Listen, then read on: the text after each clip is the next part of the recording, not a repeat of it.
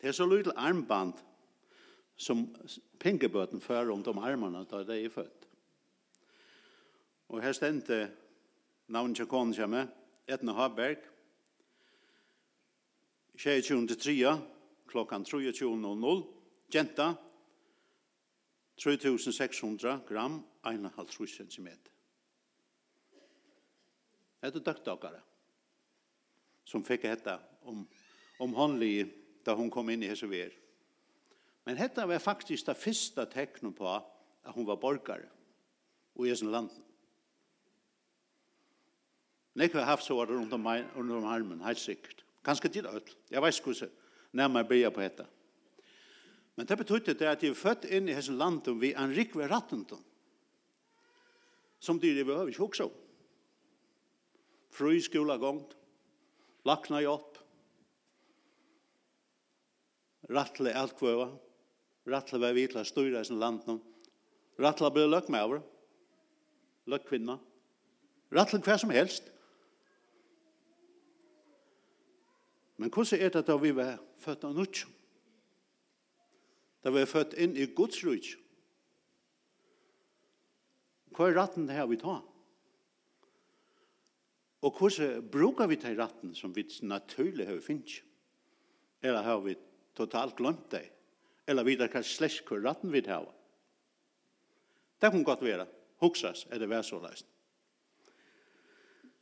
Vi kjenner et søvne om uh,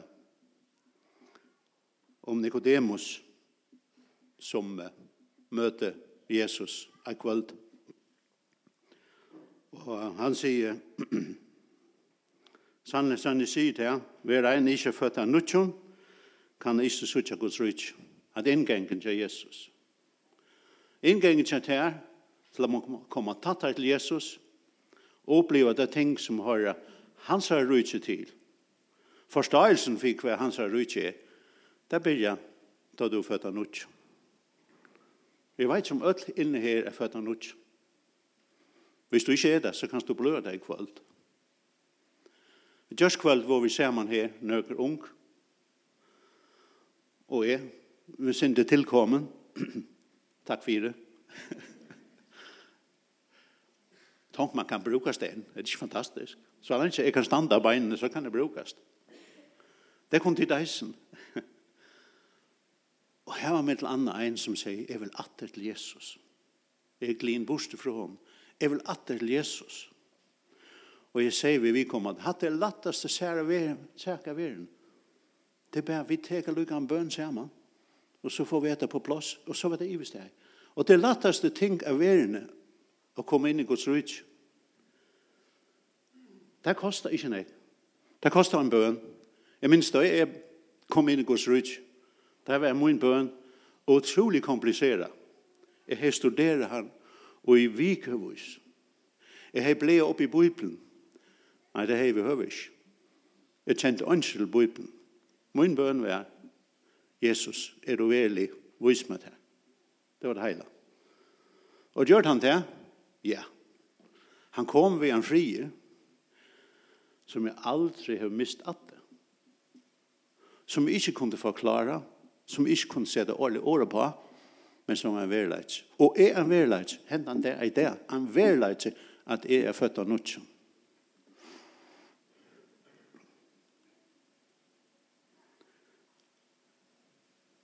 Men det gikk nekko her, og han er oppdaget hva det var å være født av nødtjen.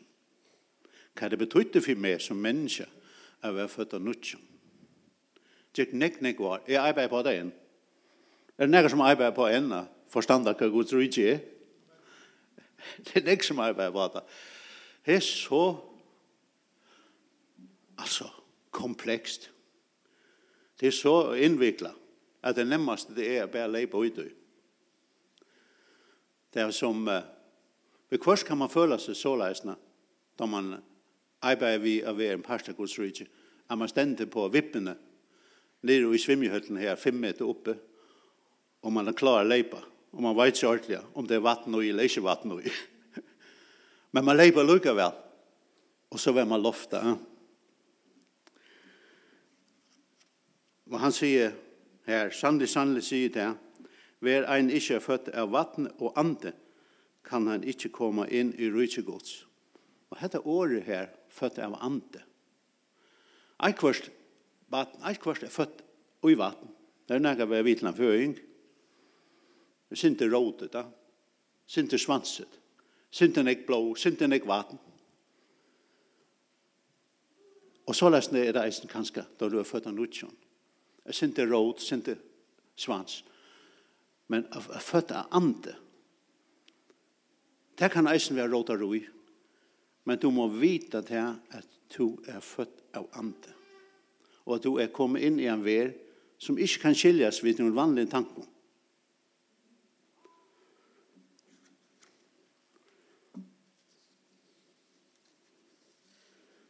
Jeg minns da så kvart som mot antallet lov utviklet seg Jeg får lese Bibelen av Tamp. Og etna er vi var gift da, og jeg hadde noen var trøtt av meg. Eller jeg skulle lese hver kvöld, jeg skulle lese og lese og lese for henne.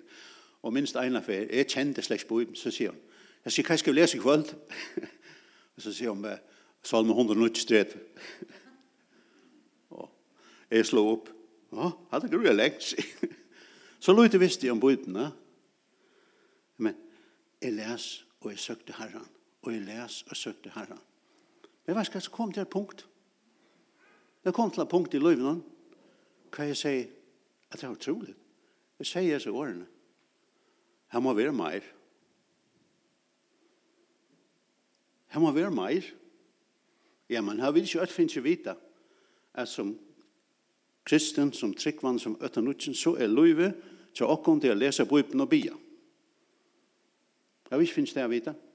Jeg jeg man ikke fortalt det, jeg kunne øye ofte enn det, at jeg skulle lese Bibelen og bia. Men jeg sier, her må være noe mer. Jeg visste ikke hva det var jeg snakket om. Jeg sier bare, her må det være noe mer. Og jeg hadde et når hun sier noe det samme. Her må være noe mer. Og jeg får jeg søker Herren, jeg sier, Herre, her må være noe mer. Og i just kveld, så utfører jeg dette unge jeg sier, nå er jeg fri, og jeg tror ikke jeg minutt. Du setter deg nye, som må være her i Gjørskvall. Sett deg nye, steg armene fram, til alt det gode kommer fra hattene. Og bo i det, og spyr hele andan. Hva er fremme for i min liv? Hva vil du gjøre i mitt liv?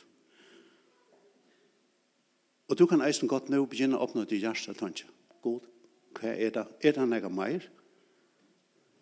Vi skulle lese Bibelen. Vi skulle bia. Då annars lærer vi ikke Jesus å kjenne.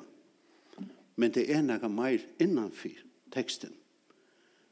Då teksten forteller om ein fantastisk person som heter Jesus Kristus. Da Jesus kallar lærersveinene, var det øyelig einfalt. Han gikk en tur fram i Genesaret vatten. Her står han ega fiskemenn her. Han sier vel til, «Ti, kom med, kom fylk med Vi leser sin hat og litt, fylk med Han sier, «Ti, kom, her, kom vi en tur». Og det ble fengt hesten her. Det var hørt om Jesus som var helt spesiell. Det var at han noen. Og det begynte jeg suttje øtles tetsen han gjørt. Marskos Eiteldøms, første kapitlet, forteller nek om hvordan det ble riven vi av hessen her. Fantastisk Jesus. Vi det samme med Jesus. Han gjør ond og tekken. Er det ikke, er det ikke kun, altså hvis han er ved det, har vi ikke vært klare for seg om at han ånd, ja? Og så er det tekkenen, yes, fantastisk. Hatt det akkurat med over. Vi fyllt seg at han ånd. Hikk her, nå skal jeg, kom her. Og da stod at han, så fer Jesus opp i fjøtlen, for seg selv mann. Og lærersveien, og alt for jeg leite etter henne, hver henne, det var så ikke mer ondt, mer tekken, det var så ikke det fantastisk at folk var grøtt og sett fru. Og da leiter jeg til henne, og da finner han. Jeg sier, Jesus, kom om han til, kom om han til, til en som vil gjerne snakke, vet du. Det er ikke du skal bygge fyr. Så sier han, nei, nei, nei, nei, tid, hva skal jeg? Hette er livet her, vi får vujer. Vi får vujer. Her en boi her i, her skal vi reisen, og her en boi her, her skal vi reisen. Det er tog i kommen, sier han. Og vi har vært akkurat som lærersveinen. Nå har vi virkelig funnet et godt sted. Og det er på fjallet, eisen, sammen vi hånda. Skal vi ikke bare være verand her, skal vi ikke bytja noen hytter og hygge okkona. Og vi må altså etter at okkar kristendom ikke være til at bare vi det sammen, og bare vi hygge okkona, og bare vi det hava det godt. Så er alt i orden. Nei, vi må hava det som Jesus. Vi skal vujere Vi skulle vågjere og, og vinna land for honom.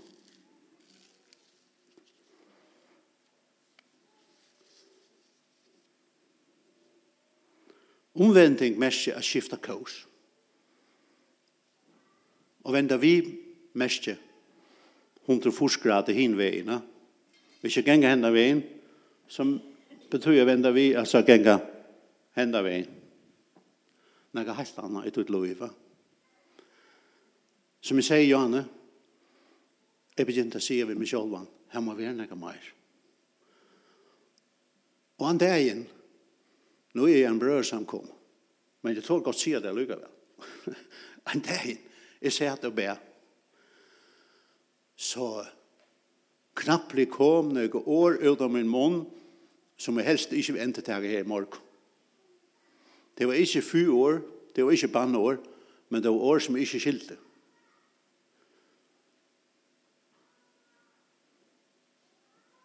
Og jeg visste hva det var. Og hver jeg forbi, så kom sånn snitt i år. Hade det vært, hade varit en kutsund som kom här nu så hadde jeg sagt halleluja. halleluja, Endelig har han funnet det. Men jag kom noen år ut av min munn, som ikke skilte. Jeg har ikke teologi for det. Jeg tjekk, som jeg ganger nå, vi har brød samkommet. Jeg skilte ikke det. Hvorfor jeg kom til akkurat om Naga, og så lever jeg bare om. Da hadde vi jo harven. Og nå har jeg rett meg inn i akkurat som var harven, som kom ut av min egna mån. Hva skulle jeg nå gjøre? Jeg har sagt, da må vi gjøre noe mer. Og så svarer jeg godt at det på andre maten. At det er veldig irriterende. Ja, men jeg tror jeg har teologien på plass. Hvordan er det at jeg kunne holde til teologien på plass? Tår nekka hver hånden opp? Anken. Hva er det? Nei, jeg kan, nei, nei. Jeg kan ikke så løst. Jeg tror jeg har teologien på plass. Og jeg har bia der bønene, da må jeg være nekka meir. Og, og kona min, hun er så vis. Jeg finnes det mest fantastiske kone vi er. Og hun sier, veist hva? Jeg har aldri vet hva det er. Hva er det? Et tungetal. Så får vi lese. Det passer, det vet jeg. Out of control. Jeg visste, jeg var sinnssyk, jeg visste, jeg var rattelig og kila gav, så det er snart, jeg tog til å klare meg her ved den. Og lykkevel så var jeg hette snitt i malet. Og det gjør det når jeg vimmer. Det gjør det, det gav meg en frumå som jeg ikke har haft frem og undan. Og jeg får bia. Kan man få bia for avvisen støven? Og jeg, jeg fikk sånn fru, jeg tenkte, det kjøpte meg førre kost. Jeg kjøpte førre kost, hekta på vetsen, og så sier jeg, herre, hva er det nå, hva skal jeg bia for? Sorøyten, årsaker Jens, det var ikke det og så var jeg så jeg. Og så enda jeg, så enda jeg vi at jeg skulle be bia for Tjøtnevøk, jeg skulle bia for Haldorsvøk, jeg skulle bia for og Høsvøk, ikke Kvalvøk, nei, Høsvøk. Jeg skulle bia for så tro i støyene. Og jeg, at han, da arbeidet sin til for kommunene i Haldorsvøk som versføringer, og med et eller annet arbeid i Tjøtnevøk, og her var utstikkinger og så var, Og til man skal til utlysninger, så skal man åkne tak til anmennes vel. Og så er det alltid onker som ikke vil, og så skal rokse, og så skal dit, og så skal det forhandles, og så skal det trutja om hans klævetøy, og det tek en evighet. Og så man være ein her eisen på handamaten. Og jeg tenkte, ja, ja, han er ikke en av Guds beste bøn, hesten her. Bare et tvørbadl. Nå. No. Men jeg bare for kjøttene vik. Så tatt han av så var han sånn møter det, og hva kommer spaserende inn til mørderen, det gjør maveren.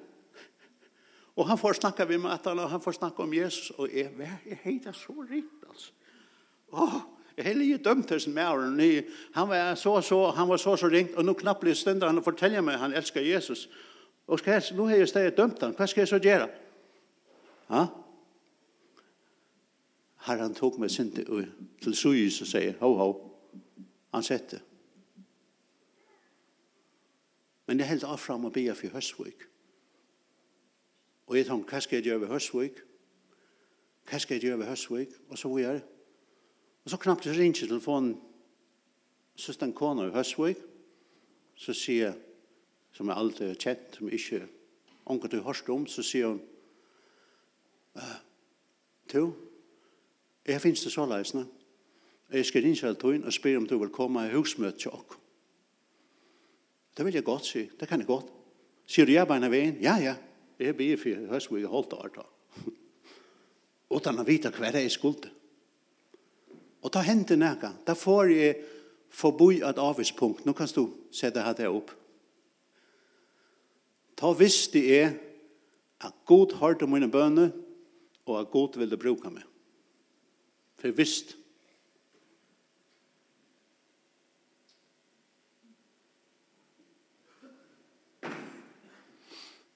Nu kom det, ja. The point of no return. Er det nægget som er kost i en øyemørsk vi kvørst? Hvis man, når man skal ut i en øyemørsk, det har vi prøva i USA, er familien, Da man så skal i jøkken øyemørsk, man kan skal køyre med 6-8 timer eller mer, Så fyller man bilen vid brännävne. Man fyller botten av bilen vid kola och allt möjligt annat. Och så kör man. Och så ser man knappt det här skältet här. The point of no return.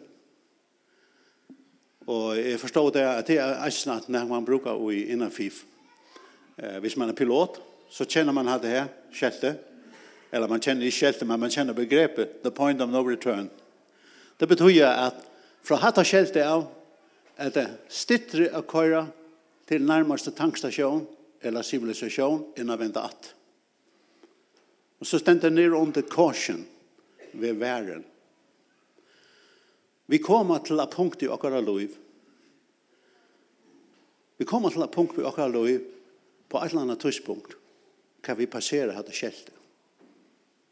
Og spørningen er om du vil passere det.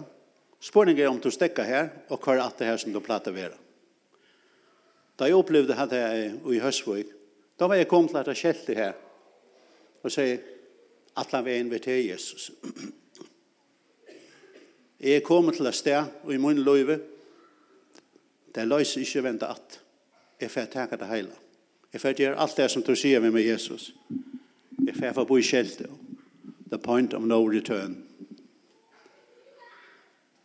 Og vi nøyest ødt som mennesker kommer til et punkt i løyvene hvis vi vilja med Jesus. The point of no return. Og da du fer forbi her det skjelte, så føles det simpelthen fantastisk. Jeg har tidsen avgjør om å genge alle veien med Jesus. Så jeg sendte meg et brått ur norska kringvarspen som var her i ditt liv ved Anne Skau en kjent Kina-missionær som virka i uh, nek nek nå er ute i Kina.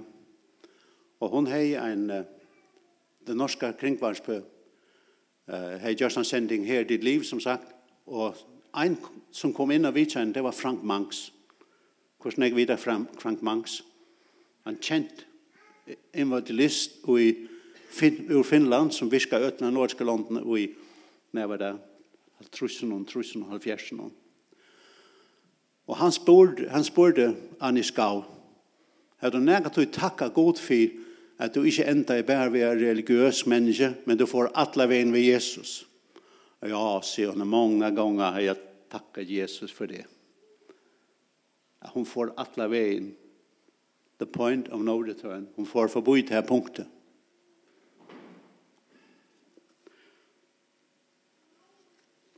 Jesus han sendte det tutsi lærersveina ui og slei av røynt. Han sendte det ut. Og de kom gled av sted. Gled heim at det. Han gav det valgt i Han gav det valgt i dæmonen, sjuk, sett folk fri, som har sett i fengaskap. Og de kom gled at det. Så er det sånn fortsette til Jesus. Men på et tidspunkt så kom det til et sted hva Jesus hei første til et sted hva han sier. Han kunne gjøre i Johannes 6, stendte her. Uh, han sier, hetta er breie, Johannes 6, 8, halv trus, hetta er breie, og i kommer ni er himle, ikkje av tog som ta i fetrene tikkar åte og døye, tann og ete, dette breie skal liva alla æve. Hetta sier han medan han eh, lærte i synagogen i Kapernaum. Nekka lærsveinane, han sier søtta nu, ta i det hørt til, hetta er hørt tale. Hva orskar høyre han? Men Jesus visste seg sjolvan, at lærsveinane knarrar om hetta, og han sier, er hetta tikkara, er hetta tikkara avstøyt. Og så fortsetter han ni, langt ni, så skriver han tenker til sist, Men jeg kan tykke som ikke tikva, tog Jesus visste alla tøyna hver de var og ikke troe, og hver han var som skulle spytte han. Og han sier, tøy, vært her, at jeg sier tikkun at ønsken kan komme til moin, utan han er givet, han giv av fergjennom.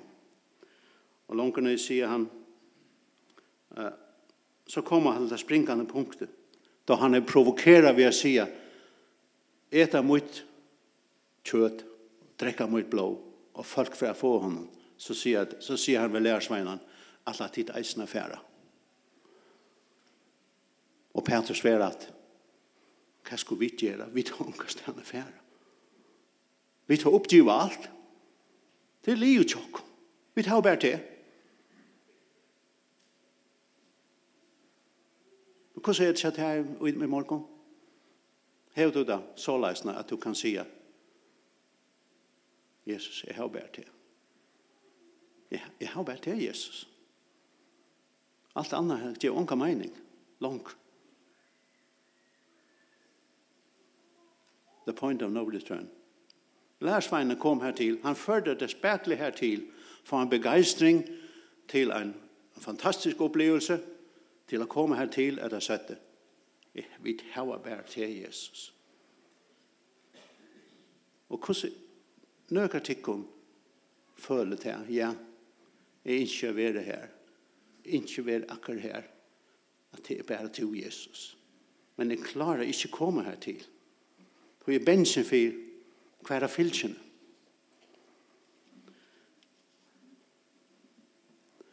Men fylkjene er bare et fantastisk liv. Fylkjene er å komme tatt til Jesus og oppleve hans nærvær oppleva at han er den han sier seg vera, at han aldri svitser det, at han er gjevet det til ævlige løyve, og han innskjer å komme inn i hans fullkomna tjeneste. Hva er det å svitse? Det er som stendig i årene, at de som er sjuk ved frusk, de som er bonde ved sett fru. Hver av oss vil ikke være vi til å svitse det. Det er mest fantastiske. Å be for et menneske, Og så ikke det ble frukt. Fantastisk. Jeg kom bygge til hun kar hånden opp og sier, hva har opplivet at Jesus grøy? Ha? Hva har opplivet at Jesus grøy? Er det ikke mest utrolig, ja? Hva har opplivet at folk som er bonde av undermakt av dæmoniske krefter, vil har sett fru? Fantastisk. Fantastisk. Det brøyde han fullstendig. Jeg glemmer aldri først vi er sata. Vi var i Kolding. Vi vet alltid ved alle møvelige stedene. Apostoler, hva er alt det Apostoler. Det er fantastisk menneske. Vi var apostolstevne her. Og etna er vi meldte oss til Sky om å bia for folk. Og det siste kvöldet så slapp vi vidt av vi vidt å bia for folk. Og jeg ber for en maur, jeg vet ikke, jeg minns ikke hva han, hva feilte honom. Og Og så var jeg ikke mer, men så sa jeg, men rikva folk, i hver hjørne her. Og her var veldig råk, så jeg får i hver her. Og jeg kunne sitte, og helle la han med over gulven. Og han heter ikke godt, han la vinkla rundt. Og onker stod ved en bibel og piver henne, og i henne og sier, Jesu navn, du skal være frusk, og sier forskjellig annet. Og her var ikke stått litt. Og så hørte jeg knappt det, heil andre sier ved meg, jeg vil, du skal sette han frøy. Å oh, nei, ikke jeg. Og ta vær det akkurat som når kom iver med, Tikk vel deg, det kom iver med når som ikke åtte kjold. Og jeg får fram til, og jeg sier vel, vær vennlig å flytte. Altså, nå, no. han ikke flende. og jeg sier god, det var akkurat som her en coachebok, hva er det nå god? Ja? Lekna ned knær ved søgn av Be han hitje det ene. Og si Jesu navn, du skal være fri. Og i stedet for vinkla rundt og være fullstendig fra seg selv, og skum om munnen, alt det her som man leser på uten, så var han pura, akkurat som skått, pura stilt. Og han hukte på meg, men fantastisk øyne, og så sier han, hva skete da? Det skete ikke noe. Det skete bare at du har det godt. Og så får han opp, han, jeg ser det helt om han græt, og han begynner å fortelle meg forskjellig. Og jeg sier, men vi blir bare sammen. Og jeg ber for han, og så var det ivis det. Og så hadde her som jeg kom i med, det får vekket. Så var jeg bare preben at, å nei! jeg tror virkelig jeg var blitt en ordentlig, ah! Og jeg hukte rundt. ønsken etna, hun sa det ikke. Og ta var det første ferie jeg virkelig var stolt av føring. Du vet, jeg spurte hvor jeg kom fra. Jeg kommer fra ferierne. Men altså, jeg så ikke som mæren her, som var heit og så ringt, og som var, tjum, så var jeg livet. Altså, altså. Hatt vil i livet fyr. Hatt vil jeg søkja narre inntil. Jeg er glad for jeg kom forbi hatt det punktet her. Jeg gleder for jeg vil alle veien ved Jesus. Og jeg håper eisen er nøkka tikkum. Jeg vet hvordan det er. Som vi vil fenga. Og nøkka sier tønke bare, er han lever vi til oss. Men som vi var fenga det er, ikke tog jeg er god til det, eller tog det er bestemt ikke. Men tog jeg hele andan kan gjøre noen tikkere versk. Tikkere lov. Og sier, jeg vil eisen alle veien ved Jesus, som han i skau sier. Jeg har mange ganger takket Jesus for jeg gikk hele veien med ham. Ja, men jeg har så jeg, jeg skal ha, jeg skal ha. Ja, ja, det skal du. Men du ganger alle veien ved Jesus. Og nå får jeg utfordre deg om, og jeg tror ikke minutt, er det vi på det? Ok. Tror ikke minutt tøkken, så godt tøkken som kan være inne her ved sinde bøtene så. Så setter vi oss ny, alt er gode kommer fra jerva, gjør det ikke det?